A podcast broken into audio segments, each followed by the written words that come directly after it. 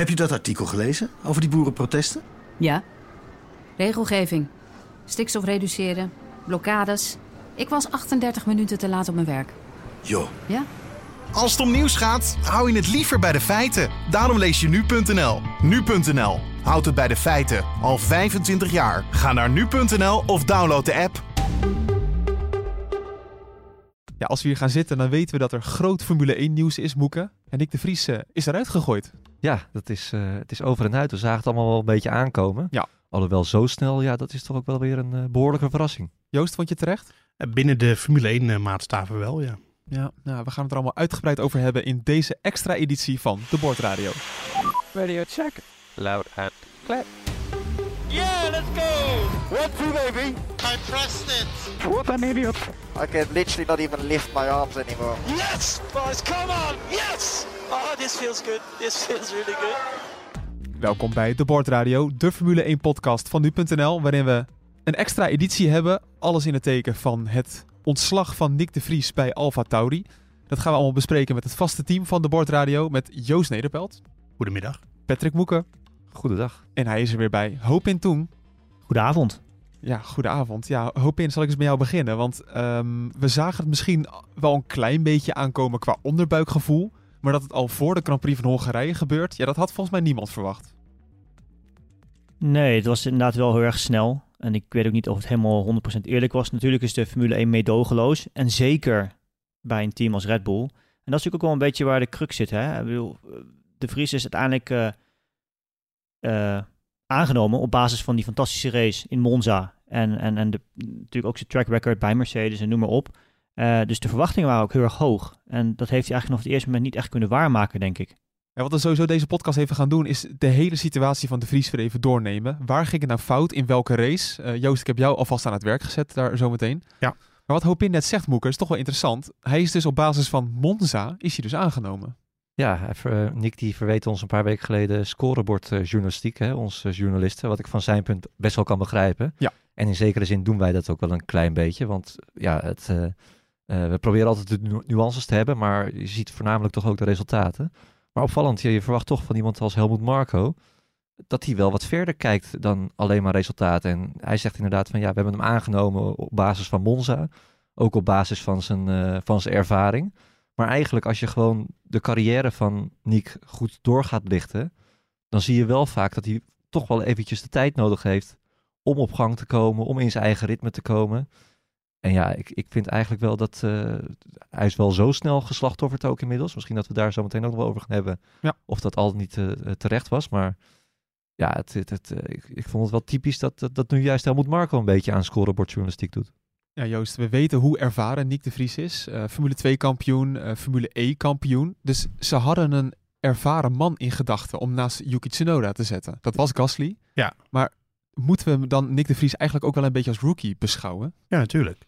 Ja, hij had alleen enkele vrije trainingen gereden in de Formule 1. En eh, natuurlijk is ja, die ervaring, die zit er gerust wel in. En dat, dat heeft hem ook denk ik wel geholpen normaal gesproken. Ja. Ehm, want ik- nou, Hopin kan beter beoordelen hoe, hoe, welke referentiekader je vanuit de Formule E en de, Formule, en de WEC eh, toe kan passen op Formule 1. Maar eh, het zal niet voor niets geweest zijn. Maar dan aan de andere kant, Formule 1 is een, eh, toch een andere tak van sport dan in ieder geval World Endurance Championship. Ja. In de zin van dat je vaak moet pieken en dat je één rondje krijgt en dat soort dingen.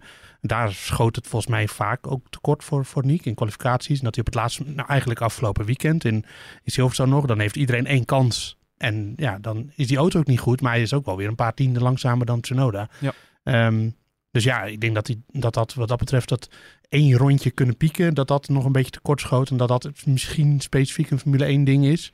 Ehm, en eh, andere banden, voordat je die allemaal hebt leren kennen. Ja, ik, ik kan die gewoon niet zeggen dat, dat een coureur van buiten de Formule 1, die niet heel veel kilometers daarin gemaakt heeft, dat je die dan niet als rookie kan beschouwen. Dat, dat zou gewoon niet helemaal eerlijk zijn, denk Nee, ik. ook, vergeet je ook haast, maar er was natuurlijk ook heel weinig testtijd voorafgaand in dit seizoen. Ja. Hij heeft anderhalve dag getest voordat het seizoen begon, letterlijk. Ja. Dat is hartstikke weinig. Ja, maar toch ook aan hoop in. Kijk, wat ik ook een beetje met die vraag bedoel is, misschien zocht Alfa Tauri wel even zo'n ervaren iemand met heel veel ervaring in de autosport, niet per se in de Formule 1, maar dat hij dan toch op dat gebied ook wel een beetje ondersneeuwde ten opzichte van Yuki.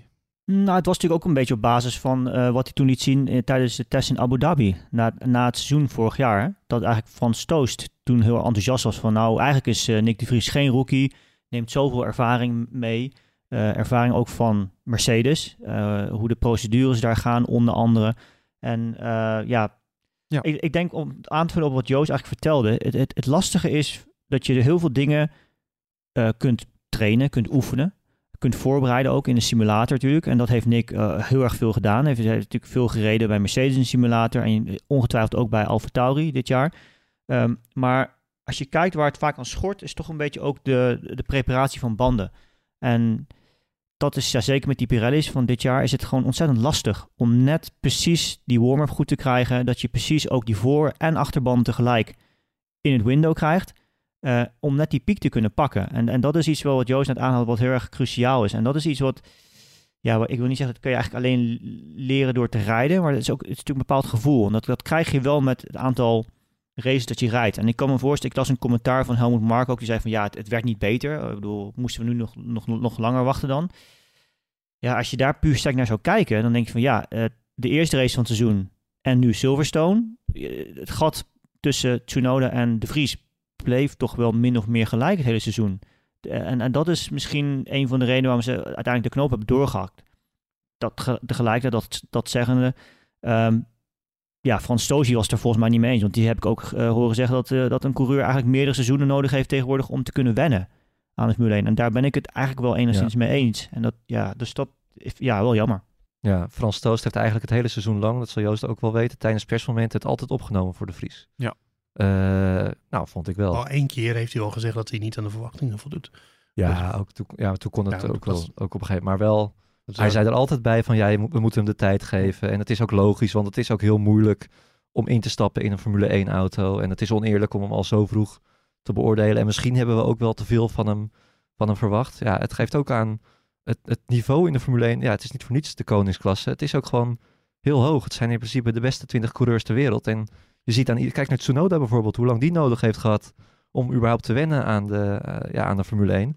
En Nick heeft dan de pech dat hij niet uit het Red Bull-programma komt. Dat ook nog eens eh Perez eh, het, het slecht doet. Dat ze Ricciardo achter de hand hebben, waardoor ze die misschien wel willen testen ook, hè, als potentiële Red Bull-vervanger. Gaan we het zo meteen nog over hebben. Dat ja. zou ik net zeggen. Ja, Ja, cruciale dus, rol. Dus eh, ja, het, hij heeft gewoon op meerdere vlakken heeft hij weinig geluk gehad. Die auto die natuurlijk voor geen meter gaat. Ja. Want stel je voor, hij heeft een auto die wel gewoon goed in het middenveld rijdt. Een Alpine bijvoorbeeld. Of nou, zelfs de Haas eigenlijk. Waar je gewoon nog meer mee kan doen. Dat maakt het ook al heel anders. Wat natuurlijk ook zo is dat het feit dat het Red Bull is, heeft Nick de, Nick de kans geboden om in de Formule 1 te belanden. Ja, dat is zo. Het is één Ja. persoon die daar alle beslissingen maakt. En het feit eh, dat je dus dan bij Red Bull tekent, eh, weet je ook eigenlijk dat je je hoofd meteen op het hakblok legt. Want eh, ze zijn meedogenloos daar. En Ja. Dr. Marco die heeft dat, ik bedoel, als je kijkt naar het verleden ook, de aantal coureurs die hij gewoon zonder gewetenloos eruit heeft gegooid, letterlijk. Eh, niet- ja, daar, wordt hij dus nu gewoon bijgeschreven. Dus het, het werkt twee kanten op. Je, het, biedt je enorme kansen, zo'n programma en zo'n team als Red Bull. Maar tegelijkertijd eh, ja, branden ze je ook heel snel af. En dat is, kan je ook zeggen, het is misschien des te knapper dan wat, wat Verstappen eigenlijk heeft laten zien. Maar die, wat Patrick zegt, had ook het voordeel natuurlijk dat toen hij instapte bij Toro Rosso, dat die auto gewoon een stuk beter was. En ja, als een auto zo moeilijk is, zoals de Alfa Tauri eigenlijk dit jaar is, ja, is het gewoon is het ontzettend moeilijk voor een coureur. Je hebt zoveel dingen ook te leren. Ik zei, en het meest cruciale is en blijft die band. En als je dan kijkt dat hij bij sommige kwalificaties misschien maar twee, drie tienden achter Tsunoda stond. Ik bedoel, ga er maar, kijk nou eens even naar een circuit. Een circuit heeft 12, 13 bochten vaak. Dat betekent dus dat je misschien in veel bochten sneller bent of even snel bent. En dat je net in één, twee bochten net op, met het aanremmen net iets te langzaam bent. eh, eh, met snelheid mee de bocht innemen. Het, het zijn hele kleine verschillen natuurlijk. Echt, het zijn die finesses. Maar ja, uiteindelijk word je gewoon wel puur op resultaten afgerekend. Het is gewoon een ultra-competitieve sport. Scorebordjournalistiek, daar eh, dat, ja, is het verwijt geweest van de Vries ri- tegenover de, de media. Gaan we toch even doen met de nuances van Joost Nederpelt. dat is zou, er ook, nuance, hè? dat Ja. zou ook wel een rubriekje kunnen worden. De Ja. nuances van Nederpelt. Ja. Nederpelt nuances. Ja, mooi. Ja, eh, hij is één keer twaalfde geworden in Ja. Monaco. Ja. Is eh, drie keer veertiende geworden in onder andere in Bahrein, Saudi-Arabië en Spanje. Ja, daarna alleen nog maar vijftiende, zeventiende, zeventiende, achttiende. Dat zijn harde cijfers. Nul punten. Ja. Eh, wel heel vaak uitgereden. Wel heel vaak uitgereden, ja. In, de, in eh Azerbeidzjan natuurlijk wel in die race eh, gecrashed. Zeker. Eh, of tenminste, nou ja, gecrashed. uitgevallen. Ja. Wel, een crash wilde ik het niet noemen. Nee. Nee, kijk. Nee, maar wat willen gaan doen? Kijk, als je deze cijfers op een rijtje zet, Ja. dan denk je dit is, dit is niet goed. Dit is heel slecht. Yuki heeft wel twee punten, is ook twee keer elfde geworden. En dat blijft ook zo hoor, na deze nuances. Het is Oh. ja, nee, het, het, het- onder de streep binnen de Formule 1 kaders denk ik dat, en zoals Helmut Marco daarnaar kijkt, was het gewoon niet goed genoeg. In Nee. de zin van, als ik het even, eerst een kleine eh, ronde samenvatting, te weinig, eh, te weinig echt mooie dingen laten zien. Dat ene rondje wat je er even uitperst, die ene mooie inhaalactie. Zelfs eh, Christian Horner, kijk, ze waren natuurlijk niet tevreden over Perez. Zondagavond in Silverstone hebben we een eh, praatje met, eh, met Horner. Ja, die haalt wel een hele mooie inhaalactie van, van Perez op Sainz aan. Weet je wel, van, oh, daar hebben we wel van genoten. Dat vond ik mooi. Kan je er zo'n moment van de Vries herinneren? Nee. En dat is, is het eerlijk om er zo naar te kijken? Weet ik niet. Werkt de Formule 1 zo? Werkt Red Bull zo? Ja, wel. En ehm, dat, dat, ja, dat, dat, dat is nog een beetje het hele punt erachter. Dus. Maar goed, als je kijkt naar de Vries, ja, bijvoorbeeld in Bahrein, daar eh, ging het natuurlijk vooral mis met die safety car die voor hem, eh, de, de virtual safety car, daar maakte zijn team geen gebruik van, anderen wel. Wordt hij uiteindelijk veertiende. Ik zeg niet dat hij een punt had gepakt, maar hij had hoger kunnen komen. En dan in zijn eerste race, als je dan gelijk elfde wordt in een Alfa Tauri, doe je het goed. Ja. Had, was gewoon realistisch geweest. Safety car pakt verkeerd uit, of de virtual safety car. Maar dan heb je ook meteen zo'n stempel van, zie je wel, pam, hij staat er. Ja, precies. Hoppakee. De eerste indruk. Want wie deed het die race wel goed? Precies. Logan Sargent. Ja. En, eh, en Elfde of twaalfde werd ja, precies. Ja. En sinds, daar vaart hij nog steeds. Want sindsdien, nou oké, afgelopen weekend was hij oké. Zeker. Maar ook dit weekend pakte de safety car voor hem weer goed uit. En voor de Vries weer niet. Ja. Weet je wel, daar moet je wel maar rekening mee houden. Dus Bahrein werd kleurloos. Ja, eh, maar dat had beter gekund. Saudi-Arabië mist hij een hele training op een heel moeilijk circuit. Hè. Je hoorde het Verstappen nog zeggen zelfs dat het een heel gevaarlijk circuit is. Een moeilijk circuit. Mist hij de derde training. Een kwalificatie, een spin. Ja, het is allemaal niet helemaal top, maar ook niet heel slecht. Australië, weer onbekend circuit, mist hij weer een training. Eh, in de race aanvaringje met Ocon. eh, wordt in de, na de laatste herstart van de baan gebeukt door Sargent, notabene. Ja. ja, kon hij allemaal niet zo heel veel aan doen. Weet je? wel. Ook in zo'n race, als het geluk wel jouw kant op valt, kan je misschien zelfs een puntje pakken. Ja, want Yuki pakte wel een punt in Ja. Australië. Uitvallers uiteindelijk. Ja, uh, Azerbeidzjan, nou ja goed, dan doet hij het gewoon zelf. Want hij crasht in de kwalificatie en, uh, uh, en natuurlijk ook nog in de race. Dus het was gewoon een heel slecht weekend. Nou, dat is achteraf wel een cruciaal weekend geweest. Ik denk het wel, ja. Dat, ja. dat we daardoor gingen kijken, oeh, staat hij niet te veel onder druk? Nou, en juist omdat hij dat weekend ook heel goed begon in die eerste training, was hij ook eh, best wel snel. Ja. En op een onbekend circuit, nou, stel hij doet het daar dan wel goed, want dan zijn die dingen die we nu, of die nu als excuses worden aangehaald van ja, hij kent het circuit niet. Ja. Dat kan dan ook in je voordeel werken als je het juist wel op zo'n circuit Precies, goed doet. ja, ja maar Maar- goed. Ehm, even kijken, nou dan eh, Miami heeft hij wel een goede kwalificatie. Hij is zelfs sneller dan Tsunoda, 15e startplaats. Maar in de race, ehm, ja, dan zakt hij toch wel weer weg. Maar hij, Tsunoda startte die race op de harde banden, de Vries niet. En de harde banden bleek uiteindelijk de beste keuze. Ja, dat is die keuze die, die, waar hij zelf ook invloed op heeft, maar die maakt hij met het team. Ja, precies. Ja, weet je, dat zijn van die kleine dingen. Spanje was niet heel best eh, in de zin van dat hij twee keer spinde in de kwalificatie. Dat is natuurlijk niet goed voor de beeldvorming. Op dezelfde plek ook nog. Eh, en in de race slechte start. Ja, dat was nog niet heel best. Nee. Ehm, daarna was hij nog wel redelijk competitief, maar kon hij niet goed inhalen. Canada. Maar sla je nou Monaco over? eh, dat was gewoon zijn- beste resultaat. ja, maar die hadden we toen net eigenlijk al. Ja, dat is ja. ja, Nee. nou ja, maar maar, dat was natuurlijk wel, daar stond hij wel echt onder druk. ja, stond, dat was gewoon goed. Onder druk, twee keer twaalfde in de kwalificatie en in de race. Ook nog met de regen en alles erbij. Ja, We hebben bepaalde ik noem geen namen, die op dit moment eh, aan, de, aan de leiding gaan in het WK. Eh zien, zien crashen in Monaco.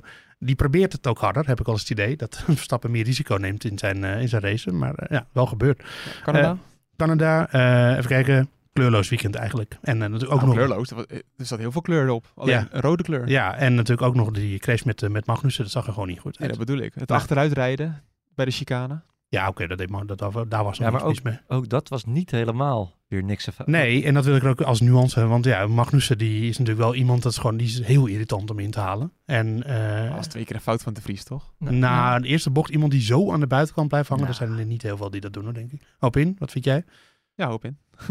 Breek even in. Ja, een beetje hetzelfde als in Oostenrijk. Als, je- als, je daar aan de, als je aan de buitenkant van een bocht gaat zitten, dan weet je dat je jezelf in een kwetsbare positie plaatst. En dan zit je bijna haast op te wachten tot iemand hem erin laat lopen. Omdat ja, je, je, hebt, je neemt gewoon... Dit is, dit, dit, dat zijn, is de manier waarop je auto's tegenwoordig rijdt natuurlijk ook. Hè. Je neemt zoveel mogelijk snel de bocht mee in, om zo lang mogelijk die downforce te behouden en noem maar op. En die maximale potentieel van de band te benutten. Het is heel makkelijk om door te schieten. In zo'n Ja. geval. En ja, nogmaals, je, je, je kiest er zelf voor om, je, om jezelf daar in die positie te plaatsen. Ik bedoel, in Canada raakt ze elkaar ook al in bocht 1. Uiteindelijk, voordat ze elkaar opnieuw weer raakt, natuurlijk in bocht 3. Maar in bocht 1 raakt ze elkaar ook al. En dat was, ja, dat, dat, eh, dat- ja, ik weet niet. Het het ik vind het een...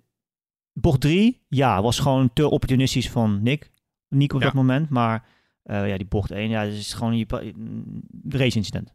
Ja, en dat geldt vind ik ook nog steeds voor dat incident in Oostenrijk. Waar hij die tijdstraf voor kreeg. En dat vond Ja, ik echt absoluut. belachelijk. En, ehm, nou ja, en, en daar kreeg je natuurlijk wel heel veel track limits. Maar goed, die kreeg bijna iedereen. Ehm, dus ja, Ja. dat, eh, dat, ik vind dat je hem niet echt op kan afrekenen. Maar ja, wel twee keer in de kwalificatie dat hij weer niet doorgaat. Dat hij in het laatste moment eh, tijd afgenomen. eh, twee keer moeite om, om die ronde. Weet je, dat pieken waar ik het net over had. Om dat te doen. Ehm, en dan Silverstone, nou ja, dat, die hebben we natuurlijk eh, zondag nog besproken. Maar ehm, Zijn beste race, zei hij. de beste, de, nou, Of tenminste van het team. hij was wel, hij was wel optimistisch in ieder geval Ja. over hoe dat ging. Ja. Maar in de kwalificatie moment supreme, ja, dan lukt het ook niet. Nou, dat benoemde ik net al, weet je. Dat je dat ene rondje hebt en dat hij het er niet uit weet te persen. Ja. Tsunoda deed het ook niet, maar die was wel 14e sneller. Ja. Eh. En, ehm, en dan pakte de safety car natuurlijk verkeerd uit voor hem. En ik, ik, maar ik denk dat het eigenlijk meer gaat over dat Helmut Marco, die zit met zijn neus in de, in de pitbox van Red Bull op de tijdenmonitor. Daar kijkt hij tijd naar en die ziet altijd die tijden, die tijden, die tijden. En als je dat een paar races gedaan, heb ik ook een paar races gedaan bij de Vries. En dan is hij gewoon inderdaad structureel niet de snelste. Tsunoda net iets beter. En daar gaat het natuurlijk ook om, omdat het patroon ziet dat de een gewoon sneller is dan de ander. Oké, dus Moeke, als we dan de nuances, de, de, de Joost nuances, nee, wat zeiden we, de Nederpelt nuances erbij pakken, dan is het wel terecht. Hij, heeft, hij is gewoon niet op, genoeg opgevallen. Nou ja, dat. maar ook, ook weer, het, is, het is ook weer niet minder dan Tsunoda in zijn eerste half seizoen was. En ik vind ook niet dat Sargent het nou echt zoveel beter doet. Hij heeft alleen gewoon de pech dat het, ja, hoe het nu werkt bij Red Bull. eh, dat ze Ricciardo achter de hand hebben. eh, dat Perez het minder doet. Want ik denk dat dat echt heel belangrijk is geweest. Dat ze nu Ja. gewoon Ricciardo willen gaan eh, testen. En dat het niet zozeer aan de Vries zelf ligt qua prestaties. Ja, natuurlijk. Hij had ervoor kunnen zorgen dat ze echt niet om hem heen hadden gekund. Want als hij het wel beter was geweest dan Tsunoda, dan had hij natuurlijk wel gewoon in die auto blijven zitten. Ja. Maar het zijn gewoon verschillende factoren van pech. En wat ik ook heel jammer vind, we gaan nu naar Budapest. En misschien zit dat er ook nog wel achter bij dat, dat ze juist nu al die wissel doen. Eh, bij Alfa Tauri verwachten ze echt heel veel van die race. Hm. En Nick ook, want daar sprak ik hem in Oostenrijk eh, over. En hij zegt, ja, Budapest hebben we gewoon met rood omcirkeld. Dat is het circuit wat van de hele kalender het best bij ons ligt. Ja, En oh. daar gaat hij nu niet rijden. Nee, Ja. want Monaco was dus ook goed. Ja. Ja. En ze noemen Hungaroring niet voor niets eh, Monaco zonder muur.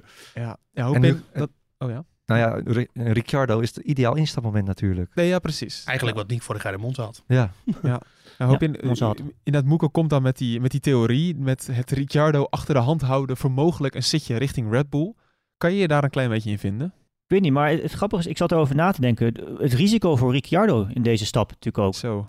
Uiteindelijk was het natuurlijk een beetje hetzelfde risico als wat, eh, wat Nick had toen hij instapte bij AlphaTauri. Maar dat is bij Ricciardo natuurlijk minstens zo het geval. Toen Ja. komt bij McLaren vandaan waar hij totaal niet uit de verf kwam.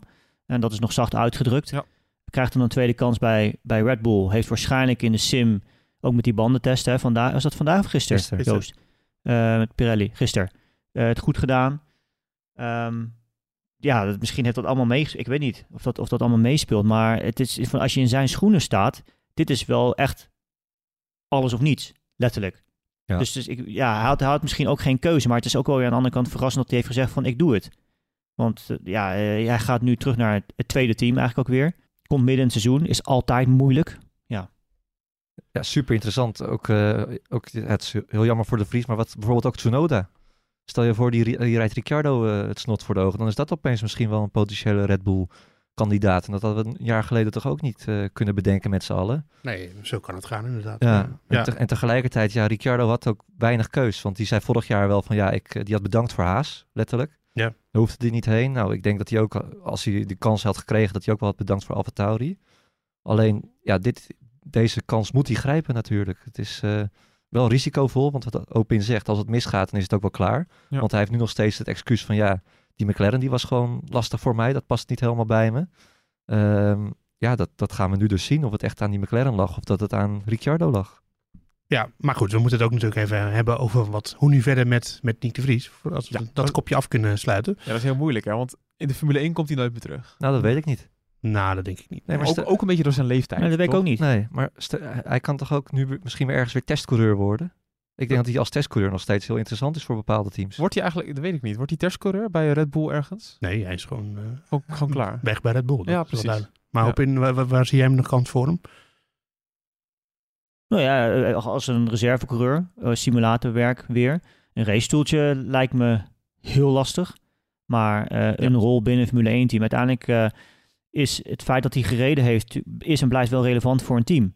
Wat, wat ik net al zei. Ik bedoel, je hebt gewoon het feit dat je dus weet hoe zo'n band functioneert, hoe zo'n auto functioneert, de procedures, noem maar op. Eh, ja, dat is gewoon heel waardevolle informatie ten opzichte van eh, een simcoureur die ze op dit moment waarschijnlijk gebruiken. Want veelal zijn die simcoureurs ook gewoon coureurs die Formule E, WEC, eh, andere raceklasses rijden en eigenlijk nog nooit een meter in de Formule 1 auto hebben gereden. Maar ik zie eigenlijk een ander mooi eh, potentieel voor Nick de Vries. Eh, namelijk eh, het WEC, World Endurance Championship. Er komen alleen maar teams bij. Volgend jaar de BMW erbij, Lamborghini, Alpine. enorm veel stoeltjes. Er komen waarschijnlijk nog een paar pri- privé-teams die ook auto's inschrijven. Ehm, ik denk dat hij daar heel bedreven in is. Dat dat echt iets is voor hem. En ehm, ja, ik zou, als ik hem was, persoonlijk, als ik gewoon, ik, je kan inderdaad derde coureur worden en dan wachten op die ene kans misschien ooit. Eh en verdient natuurlijk leuk en je, je bent even goed betrokken bij de Formule 1. Of, Eigenlijk wat Hulkenberg deed. ja, of je kiest gewoon voor het pad van, en die kans moet je ook krijgen, want het is echt niet zo dat ze, je kan, kan ook beide. beide. Ja, Kijk naar Gio ja Vanazzi. die doet dat, eh, die zit nu, eh, zat hij gisteren weer in de Ferrari simulator, zondag reed hij nog de zes Oh ja. uur eh, op Monza. Maar, maar wil je ook eh, nog in de paddock rondlopen, Moeke, als je weet dat- het perspectief op een stoeltje wel heel... nou, lopen er matig rond hoor, is. wie, wie dat zo is. Ja. Eh, Stoffel van Doornen bijvoorbeeld, of eh, er lopen er nog wel een Ja, paar. jij, hebt, ja, jij hebt er wel een paar van die dan Ja. de Vriesjes mo- potentieel. Ja, nou, ik vraag me vooral af in hoeverre, kijk, want het is natuurlijk als je, eh, toen hij werd aangetrokken en dat weekend in Monza was natuurlijk helemaal fantastisch, hè, ging goed, punten, ja, de, de, de hemel ligt voor je open, bij wijze van spreken. Ja. Maar of je nou tijdens dit seizoen er echt van hebt kunnen genieten.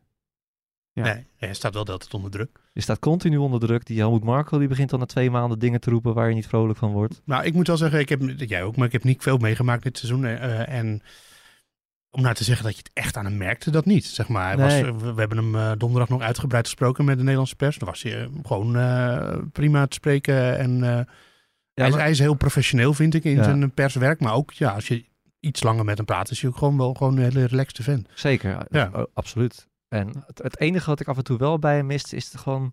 eh, want hij is juist heel analytisch en zo, hè. Maar dat, Ja. dat hij gewoon eventjes... Het, het wat je bij Verstappen wel altijd ziet, dat je, die kan er zo ziek van zijn als hij een keertje tweede wordt. Ja. Geen Nee, blad voor de mond hij is, en dat is ook misschien iets wat je, omdat dat je eerste eh, volledige seizoen in de Formule 1 is, dat het allemaal wat moeilijker is. En ook in het begin van het seizoen, dat weet ik nog, dat wij in Bahrein waren. Toen, toen was hij ook wel een beetje geschrokken van wat, iets wat hij dan had geroepen, wat dan weer Ja. in Britse media was gekomen. En toen dacht hij van, wow, wat is dit over, eh, over eh, iets, en wat, iets wat Toast had gezegd. Hij zei, ja, het is wel heel groot allemaal, maar ja, ik weet het niet. En ook, ja, is en ook, lastig. eh, gewoon als je ziet hoe Red Bull, het is allemaal keurig wat hij gedaan heeft hoor. En als je ziet hoe Red Bull hem behandeld heeft, wat ook niet helemaal chic is, al helemaal niet helemaal Marco, had ik wel, ja, ik weet het, ik had het wel leuk, nou ja, leuk gevonden als er iets harder, ik had wat iets meer emotie willen zien. Ja. Meer. de, de, de, druk, de druk stond natuurlijk eigenlijk... Het, het werd niet zo uitgesproken, maar de druk stond natuurlijk vanaf het eerste moment Ja. echt volop. En dat werd al gevoerd, wat ik zei, dus bij die eh, eh, post-season test vorig jaar. Door de uitspraak van Toos van eh, De Vries, die is geen rookie, die neemt zoveel ervaring mee. We leren nu al veel van hem. Eh, die, die, die gaat het team leiden. Nou, eh, dat is natuurlijk hartstikke mooi, zo'n veer in je kont. Maar tegelijkertijd zet dat ook wel weer druk erop. Vervolgens eh, is Liam Lawson daar de reservecoureur bij Red Bull. Eh, die wint zijn eerste Super Formula race in Japan. Daar hebben we het natuurlijk ook al eerder over gehad in de podcast. Dan is ook nog, komt ook nog eens Daniel Ricciardo erbij. Ja, dat, dat- hoe je het ook bent of keert, dat, dat, dat voegt alleen maar druk toe natuurlijk constant. En dan kan je natuurlijk proberen voor af te sluiten. Maar dat is, ja, het is gewoon lastig. Zeker als je gewoon nogmaals een auto hebt waar je het al moeilijk mee hebt. eh, binnen het team waar het gewoon niet, le- niet lekker loopt. Dat je iemand als baas hebt als een Helmut Marko van je weet dat je eigenlijk nul krediet Ja. krijgt. Ehm, en- maar, ja. Maar ook, ook nog een vraag die we dan via Twitter kregen van Suus Broers. Of Suus Boers, moet ik zeggen, zonder R. Eh, stond Nick de Vries ook niet gewoon met 1-0 al achter? Want Horner wilde hem dus niet. Hij is echt door Helmut Marco in dat stoeltje gezet. En Toast, die wilde Mick Schumacher hebben. Dus eigenlijk, je- hij heeft nooit Ja, maar de grote baas was wel fan van je. Dat, eh, want Ja. uiteindelijk bepaalt Marco. ja, de belangrijkste baas wel. Ja, en dat is dan wel, wel heel snel gekeerd. Maar ik, ja, ik, als, je, als je weet, Ja. misschien Ik, ik weet niet of, hoe dat werkt hoor. Ook Pin moet dat misschien uitleggen. Maar in het hoofd van de coureur... eh, eh, We hebben Toost allemaal horen zeggen dat hij het team moest gaan eh, leiden. Er werd echt ontzettend veel van hem verwacht. En Nick heeft dat wel omarmd. Hij had ook kunnen zeggen van ja... Maar hoe dan? Nou, valt, valt wel mee toch? nou ja, hij heeft... Hij heeft dat niet helemaal beaamd, zo van ja, dat ga ik even doen of zo. Dat heb ik hem Nou, niet horen zeggen. Hij eh, daar was ik nou niet bij. Ik heb hem nooit horen zeggen van ja, inderdaad, ik, de- ik ga dat team wel eens even leiden en ik ga Tsunoda bij de hand nemen. Dat zei de, dat Ja, zei niet- niet de leiding allemaal, maar hij niet. Dat heb ik in, niet nooit horen zeggen. Nou, en die via Play documentaire ook wel... eh, Ja, goed, hij, hij, hij- je moet ook niet helemaal zonder zelfvertrouwen daar binnenkomen. Nee, hij weet, nee, maar dat is ook lastig. Alleen ja. het, het, het, het zou misschien makkelijker voor hem zijn geweest van jongens, eh, ik, ik ben nog wel een rookie. Hè? Gewoon, eh, geef me even de tijd. Ja. Want er, er werd zoveel van hem verwacht, wat achteraf totaal onrealistisch was. Ja, maar en dat, dat is dan een verschil eh, als je het hebt over uitgesproken zijn over ehm, situaties. En als je dat dan vergelijkt met Verstappen. Ik denk, eh, Nick heeft nu al heel lang bij in de school van Mercedes gezeten. Ehm, die houdt denk ik in zijn uitspraken wat meer rekening met alle sponsors en Ja. eh, belangen. En eh, die denkt wat meer, ja, dat is heel verschrikkelijk woord, die denkt wat meer corporate. En, Ja. en, en dat denk ik wel eens, als, hij, als ik gewoon zijn woordvoering hoor. Het, hij klinkt een beetje zelf als een woordvoerder soms. En als je dan wat langer met hem praat, dan is hij, komt hij wat meer eh, binnen de normale... eh, en Verstappen, ja, die heeft, die heeft daar gewoon scheid aan. Ja, precies, En, en al- altijd gehaald ook. Van het begin af aan. We hebben er zelf ook eigenlijk aan meegedaan, stil. Gewoon om hem niet als rookie te betitelen. We zeggen wel hij is rookie, hij is rookie. Maar we hebben ook vaak genoeg geroepen aan het begin van het seizoen. Hij heeft zoveel ervaring. Eigenlijk is hij niet echt een rookie. Ja. Vanwege zijn ervaring met Mercedes en noem maar op. En dat hebben wij misschien zelf ook verkeerd ingeschat. Ja, we gaan kijken wat, eh, wat Nick de Vries gaat doen in zijn carrière. Of hij toch in, in de paddock rond blijft hangen. Ja, Eh, Ik zeg dus dat hij gewoon eh, moet gaan voor een, eh, voor een mooi werkstoeltje. En misschien ja, Formule, Formule 1 erbij, on the side. Maar er liggen prachtige kansen daar. Ja. En ehm uh, Hopin wil wat zeggen. Eh, Iedereen, natuurlijk, hij, heeft nu, hij is natuurlijk eruit geknikkerd bij, bij Red Bull. En eh, bij Alfa Tauri, zo moet ik zeggen. Maar vergis je niet, eh, onder de coureurs, zeg maar onderling, ook zeg maar onder ons, om het even zo te zeggen, ehm, weet iedereen zijn van zijn kwaliteiten. En is ook iedereen echt wel eh, onder de indruk van hoe snel hij is. Dus het, het is gewoon helemaal niet goed gevallen voor hem, helaas, bij Nee. Alfa Tauri. Maar dat neemt niet weg dat hij wel een uitstekend, meer een uitstekend coureur is. En ik weet zeker dat hij ook een zeer goede professionele stoel bij een fabrikant in een andere raceklasse. Ehm, ik wil niet zeggen dat ze, dat ze voor hem in de rij staan, maar het zou me niks verbazen. Nee, Ja, Want in, dus- binnen de industrie is, is, is iedereen wel bekend met zijn kwaliteiten. Ja, want je hebt volgend jaar misschien wel, nou zonder dolle, misschien wel 20 plus eh, hypercars aan de start in Le Mans. Ik denk dat het, dat heel realistisch is. Misschien nog wel, echt nog wel meer. En dat is keer drie, hè? Dus keer drie auto's, dat is 60 coureurs minimaal die nodig zijn. Nou, dan, dan moet hij er gewoon eentje van vinden, hè, van zo'n stoeltje. Van één plekje. Ja, En, en als je dan bevalt, en, en daar is hij goed in, en je komt bij een merk gewoon heel goed erop te staan, bij een Porsche of een, nou, dan kan je daar een hele mooie carrière uithalen. En dan is er echt niks mis met jouw carrière uiteindelijk. Nee, alleen eh, ja, toch, we kijken het meeste naar de Formule 1. Ja, wij, wij, we zijn een Formule 1 podcast, maar hij is een coureur. Dat is ja, het verschil. Nee, Ja. nee, ja. Maar wat ik nog, vinden jullie dat hij te snel eruit is gegooid? Of dat, dat hij nog meer kans had moeten krijgen? Ehm, ja, ik had, ja, Ik wel. eh, Ja, hoop in eh, wel. En ik ook wel, maar ik, ja, ik, ik- het is wel gewoon, je weet gewoon als je bij de Red Bull in het programma komt eh, en op de manier waarop hij erin kwam, ja, dan, en ik, ik heb hem toch ook wel te weinig mooie dingen zien doen. En dan weet je gewoon dat het zo werkt. Dus ik, vind, ik denk wel dat hij meer tijd nodig had, maar ik vind ook dat je dat niet krijgt. En dat is gewoon hoe het werkt, helaas. Het probleem is dat er vast wel een race tussen had gezeten waarvan je dacht, wow, dit is goed. En dan daarna weer drie, vier Nou ja, races misschien weer gewoon zoals het was. Ja, maar dat wat- is, dat, is heb de- je er dan dat is het hele zure wat het is natuurlijk ook. Gewoon dat je op zijn beste race, op basis daarvan heeft hij stoeltje gekregen. En dat is ook zijn beste race tot nu toe Ja. ooit, Ooit, geweest. Van de elf. Ja. En, en Verstappen, wat is er? Ja, ik wil er nog wel eentje ingooien, trouwens. Zijn, denken wij dat eh, Yuki, Tsunoda, Yuki Tsunoda de volgende Max Verstappen is? Want dat is natuurlijk waar Red Bull altijd naar op zoek is. Ja, nee, dat denk ik zeker niet. Als Nee. dat weet ik dat. Nee, en als, we, als, als wij dus denken, of als veel mensen misschien met ons, ik weet niet hoor. Ik- Het is gewoon een open vraag. Als mensen denken dat dat niet het geval is, en Nick die presteert dan ten opzichte van hem eh, eigenlijk nog minder. Ja, wat voor een ja, wat voor reden is er dan voor Red Bull om zo iemand te houden? Bij Red Bull zijn ze nou eenmaal extreem. Willen ze alleen maar dat ultieme talent? Kijk naar een Vettel, kijk naar Verstappen. Ja, helaas. En dat, daar moet je ook realistisch in zijn. Die, zulke soort coureurs komen ook maar eens in de zoveel jaren Ja. voorbij. Het, het zit er ook gewoon niet tussen op dit moment. Ja, er wordt ook Nee, maar nergens. hierna. Nee, nee. En ook niet de coureurs die al wat langer in de Formule 1 rijden. Want zelfs een Leclerc is niet opeens de nieuwe Verstappen straks. Die werd trouwens in geruchten ook aan Red Bull gekoppeld hè, vandaag. Ja, gisteren eh, Norris, vandaag eh, Leclerc. Ja, Ja. ja. Ja, geweldig. Dat zou... ja. Verstappen en Leclerc naast elkaar. Dat Ik- ja, Ik zou dat als ik Leclerc was, zou ik dat zeker niet doen. En als ik Norris was, ook niet. nee. Nee, Wel. Nee kom op man, dat moet je niet doen. Als Norris zijnde? Nee, Ja, maar Nor- dat- nee. Maar Norris misschien, want Norris Nee, is toch geen echt niet. Is, ja, is ook wel een toptalent. Maar, Ja, maar, Le- eh, Leclerc zeggen dat is een moet je niveautje Verstappen. Moet je dan nog vijf jaar bij McLaren blijven rijden? Ja, maar je weet toch niet wat er gaat gebeuren. We krijgen in 2026 een heel nieuw regelpakket. Ja, maar Ja. toch En- klantenteam van Mercedes. Ja, en je, je carrière is gewoon klaar. Want dat Norris gaat het nooit winnen van Verstappen. Nee. En Leclerc ook niet trouwens. Die maakt veel te veel fouten. Nee. Dus eh, nee, kansloos. Ja. Je moet gewoon kopman zijn bij een ander team.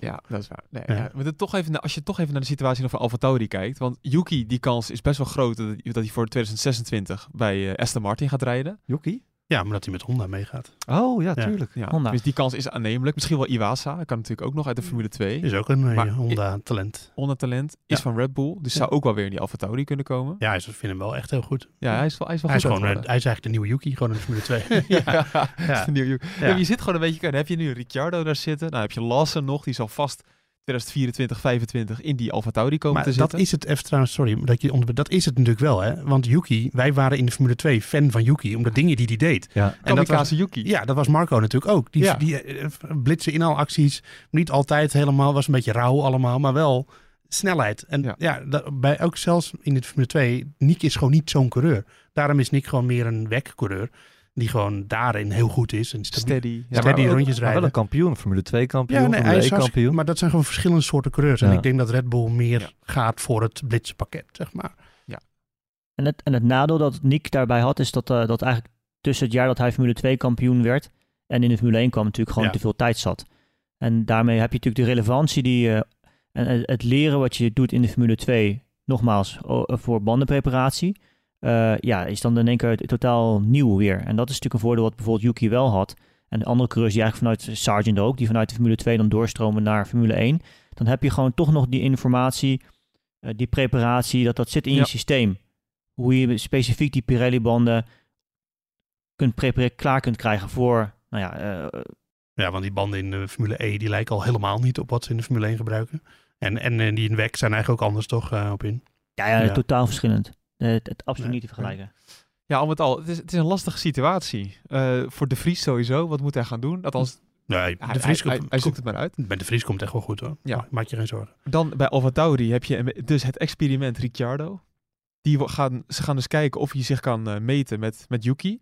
En misschien, ja, is, is, had het daarover gehad. Speelt het nou ook mee dat Perez natuurlijk het Tuurlijk. ook niet zo goed doet? Dat denk ik wel. Ik denk dat dat nog het allerbelangrijkste misschien heel is van allemaal. Omdat Dat ook de, de Vries de slachtoffer is van het slechte presteren van Perez. Nou, in, in, indirect. ja, indirect, maar wel, hij heeft zichzelf daar wel kwetsbaar voor gemaakt door zelf niet te presteren. Ja, Ja, dus- nee, maar maar het is nee, ook, dat snap ik. maar het is ook weer niet echt ongelooflijk slecht wat we nou van Nick hebben gezien. Dat, dat vind ik ook wel meevallen. Want eh, Nee, nee, niet goed genoeg. nee dat, dat, dat is het. Nog. het is in, Nee, in oké. tien races. Ja, En dan we het over. Ja. ja. Nee, maar ik zit gewoon te denken dat als Perez gewoon heel steady had gepresteerd, hadden ze misschien ook minder eh, Ricciardo willen pushen. Ze hebben nu, ze- ja, ze- ze- ik denk dat ze het nu gewoon willen gebruiken om te zien hoe, hoe goed Ricciardo nog is. Ja. Hè, om, om een soort drukmiddel op Perez te, eh, te zetten. Want als die nog vijf keer eh, ah, niet door Q, Dan Q- moeten ze, dan moeten ze toch wat. dan moeten ze toch iets gaan Anders doen. wordt het ongeloofwaardig. Ja. Ja. Ja. Ja. Dus, en, heb je weer Lawson die dan weer in die Alfa Tauri kan. Dus ze kunnen ze steeds weer een beetje schuiven. en Ja. ze hadden Ricciardo nu achter de hand. Ik snap ook dat ze Lawson niet halverwege het seizoen in gaan zetten.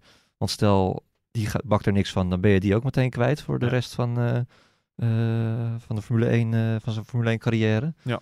Ja, het, eh, ik, ik, denk dat, ik denk dat dat heel erg heeft, eh, heeft meegespeeld. Oeh, ja, dat is wel interessant. ja, dan ben je gewoon een, een, eh, een slachtoffer van externe factoren. En je bent zelf kwetsbaar, omdat je gewoon niet genoeg presteert. En Ja. dan, eh, dan gebeuren dat soort dingen. Ja. We gaan dus uitkijken naar de Grand Prix van Hongarije. Die is over een week. En dan gaan we dus echt zien, wat, ja, wat kan Ricciardo presteren? Ja, geweldig. Want als hij voorbij Yuki komt, dan zegt dat wat over De Vries en zegt dat wat over Ricciardo. Ja. Ja, maar als hij niet voorbij Yuki komt, dan... eh, Zegt dat ook wat over De Ja. Vries en Ricciardo. Nou, dus we doen, eh, wij gaan ook gewoon een scorebordjournalistiek. Ja, eh, Nee, maar als stel hij, zit er gewoon... Nou, het eerste weekend nog een beetje lastig. Maar stel hij blijft de rest van het seizoen ook achter Yuki aanrijden. Misschien heeft Yuki wel zijn vorm hervonden. Hè? Dat het allemaal toch niet zo heel slecht was wat Nick heeft Ja, maar ik sprak toevallig ik, met, hand, met handgebaren en, eh, Eh, een beetje met die Japanse journalist, die, eh, die, die zat tegenover ons. zat die, dat, die, is- die is er altijd, maar die is er altijd. En die praat dat veel meer met Yuki dan wij. Want ja, Yuki spreekt redelijk Engels, maar niet, niet zo goed als Japans natuurlijk. Nee. Maar die eh, zei eigenlijk wel dat Yuki het echt een klote auto vindt, die Alfa Tauri. En dat hij zondag ook weer de hele race een probleem had gehad. Dus die is ook niet tevreden daar. Nee. Eh, en dat speelt natuurlijk, eh, dat kan ook nog wel meespelen. En misschien valt het voor Ricciardo wel heel erg tegen dat hij denkt van, jezus, wat voor hok ben ik nu gestapt. Ja, dat Ja. denk ik. Ja, ik denk dat, die wil natuurlijk ook graag rijden. Die, eh, alles is nu mooi. Ja. Maar het kan, en nu heeft hij de hype, maar dat kan straks ook helemaal andersom keren natuurlijk. Of nog erger, hij komt op de Hungaro-ring en daar is die auto dan toevallig goed. En dan denkt hij, nou, valt wel mee. Ja, precies. Ja, maar En dan dan, gaan we daarna naar Spa en dan blijkt het toch vreselijk te zijn. Ja, maar dan, stel hij rijdt daar wel aan de punt, dan ben je er ook wel meteen vanaf. Ja, dan heb je die drempel. Net weer zoals al. Verstappen die zijn eerste race in Barcelona won. Die crashte daarna in, in Monaco. Ja, maar hij had wel gewonnen. Ja, Ja. indruk gemaakt op Marco. En hoe? Ja. Hoop in, even een ouderwets onderbuikgevoeletje. Wat denk jij hoe Ricciardo het gaat doen in Hongarije? Nee, ik denk dat hij het heel moeilijk gaat krijgen. Jawel hè? Ja, ik denk het ook. Het is, het is, het is, het is niet zo gemakkelijk. Als het zo gemakkelijk was geweest, had Nick het ook wel goed gedaan. Nee. Want nogmaals, het, het- ik vind het heel jammer dat hij, eh, dat hij eruit ge- gegooid is. Ik denk dat hij... eh, het, het is in de Red Bull context en de manier waarop Red Bull functioneert, is het begrijpelijk. Maar eh, vanuit een coureursoogpunt en competitieoogpunt eh, vind ik het heel jammer. Want ik denk dat hij meer tijd had verdiend. En dat, het, dat hij het ook wel had kunnen keren zelf. Denk ik. Eh, ik, ik kan me nog heel goed herinneren, dat is een uitspraak dat om een beetje in context te plaatsen ook. Dat is echt al jaren geleden, praat ik over 15 jaar geleden of zo, dat ik met Robert Kubica toen sprak. En die vertelde ook toen tegen mij van ja, eh, toen was Tesla nog niet aan banden gelegd. Die vertelde ook van ja, eh, in mijn jaar voordat ik dus mijn debuut maakte in de Formule 1, heb ik bijna twee keer zoveel kilometers gemaakt als in het Formule 1 seizoen zelf. En eh, als je Hmm. dus dat vergelijkt ook met hoe zo'n iemand als De Vries dus nu de Formule 1 in is gekomen, ja, is het natuurlijk echt ontiegelijk moeilijk. Overigens ik ook nog wel eh, eh, zijn manager, Guillaume Le Goff, die Fran- Fransman, ook de manager van eh, Pierre Gasly. Dus die, eh, ja, die kent helaas ook het klappen van eh, de zweep in negatieve zin daar bij, eh, bij Red Bull en van Dr. Marco. Ja, die is nu weer van Dr. Marco af. Ja, inderdaad. Ja, gaan we afronden, mannen. Ik vind het mooi geweest, na eh, 40 minuutjes ongeveer. Ehm, we gaan het afwachten. We gaan sowieso nog vooruitblikken op de Grand Prix van Hongarije. Daar gaan we het ook weer uitgebreid over hebben. Maar we moesten toch even tussendoor komen met, eh, met zo'n podcast. Nou, ik zit opeens te denken, hè. er moet natuurlijk altijd een Nederlands ehm, haakje zijn om ergens naartoe te kunnen gaan. Eh, Als Nick volgend jaar gewoon in het WEC eh, aan, eh, in de topklasse aan de start staan, dan, eh, dan kunnen wij daar gewoon heen. Ja, Hey. misschien, Zo- misschien hoop Nee. nog een stoeltje ergens. eh, Ja. Ja. Sluiten we niet uit, hoop Ja. in. Ik zou het graag willen, ik zou het graag willen, maar mm, ik denk dat het moeilijk is. Voor, in, voor mij dan. En, en in tegenstelling tot voor Nick. Of Hoop in en Nick. In één team. Ja, dat, eh, we- eh, nou, dat gaat niet gebeuren. we zien het wel. Nee, ja, ja, iets- ja, in ieder geval. Dat zou ik wel mooi vinden. Ja. We hebben gewoon inside, eh, inside information hebben dan. Ja. In de podcast. Of eh, misschien heeft Nick wel analistenrol. eh beetje roleren met hoop in. maar ik denk dat hij voorlopig eventjes klaar is met het, eh, met circus. Ja, maar dat De Vries wel beschikbaar is eh, voor de terugblik. We hebben Hoop in in de vooruitblik en dan De Vries in de terugblik. Als hij niet ook in Hongkong gaat wonen. ja, ja, gaat hij naar, naar Brazilië, daar hebben we er nog niks aan. Nee. Oké, nou, we zullen we afronden. Ja. Dat was hem dan. Dankjewel voor het luisteren naar deze extra editie van de Boordradio. Allemaal in verband met eh, het ontslag van De Vries bij Alfa Tauri. En we gaan zien hoe Daniel Ricciardo het gaat doen in Hongarije. Ehm, daar gaan we het nog uitgebreid over hebben. Volgende week bij de vooruitblik op de Grand Prix van Hongarije. Abonneer op Spotify en via je favoriete podcast app om ook meldingen te krijgen als die podcast online staat. En dan eh, zien we jullie volgende week weer. Tot dan.